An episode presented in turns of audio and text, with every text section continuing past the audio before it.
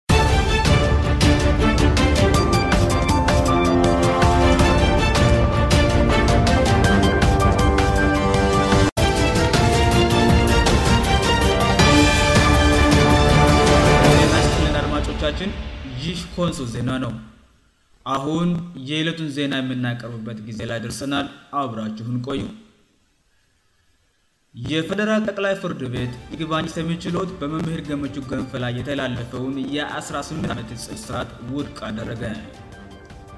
ዛሬ ረፍ ላይ የሰየመው የፈደራል ጠቅላይ ፍርድ ቤት ይግባኝ ሰሜ ችሎት የወንጀል ጉዳ ሁተኛ ችሎት ከዚህ በፊት በፈደራል ከፍተኛ ፍርድ ቤት አ0 ምንጭእና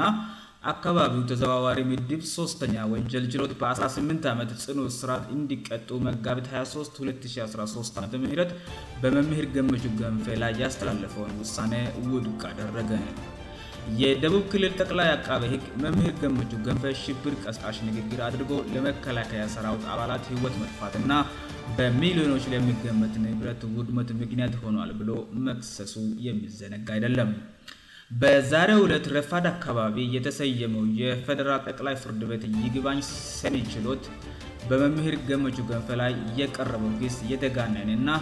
ኢሱን ለመክሰስ ጥቅም ላይ የዋለው የህግ አንቀጽ ተገቤ እንዳልሆነ ገልጾ ውድቅ ማድረግ ተገልጿል ንግግሩ ሽግር ቀስቅሷ አሊንጓን ብባል በተከሰተው ውድመትና መምህር ገመቹ አደረጉ በተባለው ንግግር መሀል ሰፊ የጊዜ ዩነት መኖሩን እና በዚህም መሰረት ጉዳዮችን ለማያያዘ የተደረገው ሙከራ የማይገባና የተጋነነ የህግ አንቀ ሀሳቢ እያደረገ መሆኑን ፍርድ ቤቱ በመገንዘብ ውድቅ ማድረጉን ነው በችሎትቤታ ደግሞ የመምሩ የቤተሰብ አባላትና ጉዳዩን ሲከታተሉ የነበሩ የቆንሶ ልጆች ለቆንሶ ዜና የገለጹት ፍርድ ቤቱ ከቀረቡ ማስረጃዎች እንደ ተገነዘበው መምሄሩ አደረጉ የተባለው ግጭት ቀስቃሽ ንግግር በኢትዮጵያ የወንጀል ህግ አዋጅ መሰረት ቀላል ግጭት ቀስቃሽ በምል ምድብ ውስጥ የሚወድቁ በመሆኑ ከሶስት ዓመት በማይበት ቀላል ስራት ያስቀጣል ማለቱም ተገልጿ ል በዚህም መሰረት ሰፐር ሰሚ ችሎቱ ከዚህ በፊት ከተዘዋዋሪ ችሎቱ ውሳኔ ጥቅም ላይ የዋለውን የህግ አንቀጽ ሽሮ በሌላ የህግ አንቀጽ መሰረት እጁ ከተያዘበት ጊዜ አንስቶ በሀወ ስርዓት ብቻ ይተቀጣ ፍርድ ቤት ወስኗል ጉዳዩን የያዙት ዳኛ ግን አስቀድሞው ብዙ ታሰሩ እንጂ ግግቱ ጭራሽ በሀያ ወራት እንኳን የሚያስቀጣ አይደለም ብሏል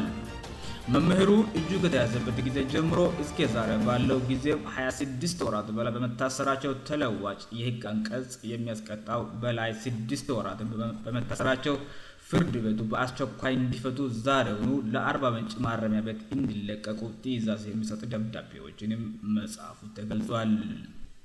በዚህ መሰረት የጠቅላይ ፍርድ ቤት ይግባ ሰሚን ችሎት ውሳ ተው ከጠቅላይ ፍርድ ቤት ለአርባ መንጭ ማረሚያ ቤት የተጻፉ ደብዳቤዎች ለማረሚያ ቤቱ እንደደረሱ መምሄሩ ከእስር ተለቀው ከቤተሰባቸው ጋር ይቀላቀላሉ ተሎር ይጠበቃል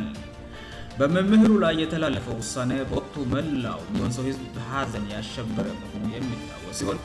ዛሬ የተወሰነው እስ መለቀና በሰበርና በተለያዩ መንገዶች ከተገለጸበት ጊዜ አንስቶ በማህበራዊ ሚዲያ ላይ የጎንሶ ልጆች በከፍተኛ ደረጃ ደስታቸውን በመግለጽ ላይ ይገኛሉ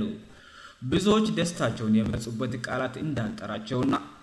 ደስታቸውን መቆጣጠር እንዳቃጣቸው በማሄበራዊ ሚዲያ ገጾቻቸው በኩል ሲገልጹ ተስተውሏል መረጃው በኮንሶ ዜና በኩል በሰበር ከተለቀቀ በኋላ ብዙዎች በአስተያየታቸው እውነት አሸንፋለች እውነት ተቀብራ አቅርም ኮንሶ አሸንፋለች እውነት ሁሌም አሸናፊናት ዛሬ ለኮንሶዎች የደስታ ቀነው ታረጋዊ ቀነው እግዚአብሔር መስገን ወዘድ በምሉና በሌሎች የተመሳሳይ ቃላት ደስታቸውን ስገልጽ ውሏል ይህ ኮንሶ ዜና ነው አድማጮቻችን ይህእስካሁን ገኛ ጋር ስለቆያችሁ እናመሰግናለን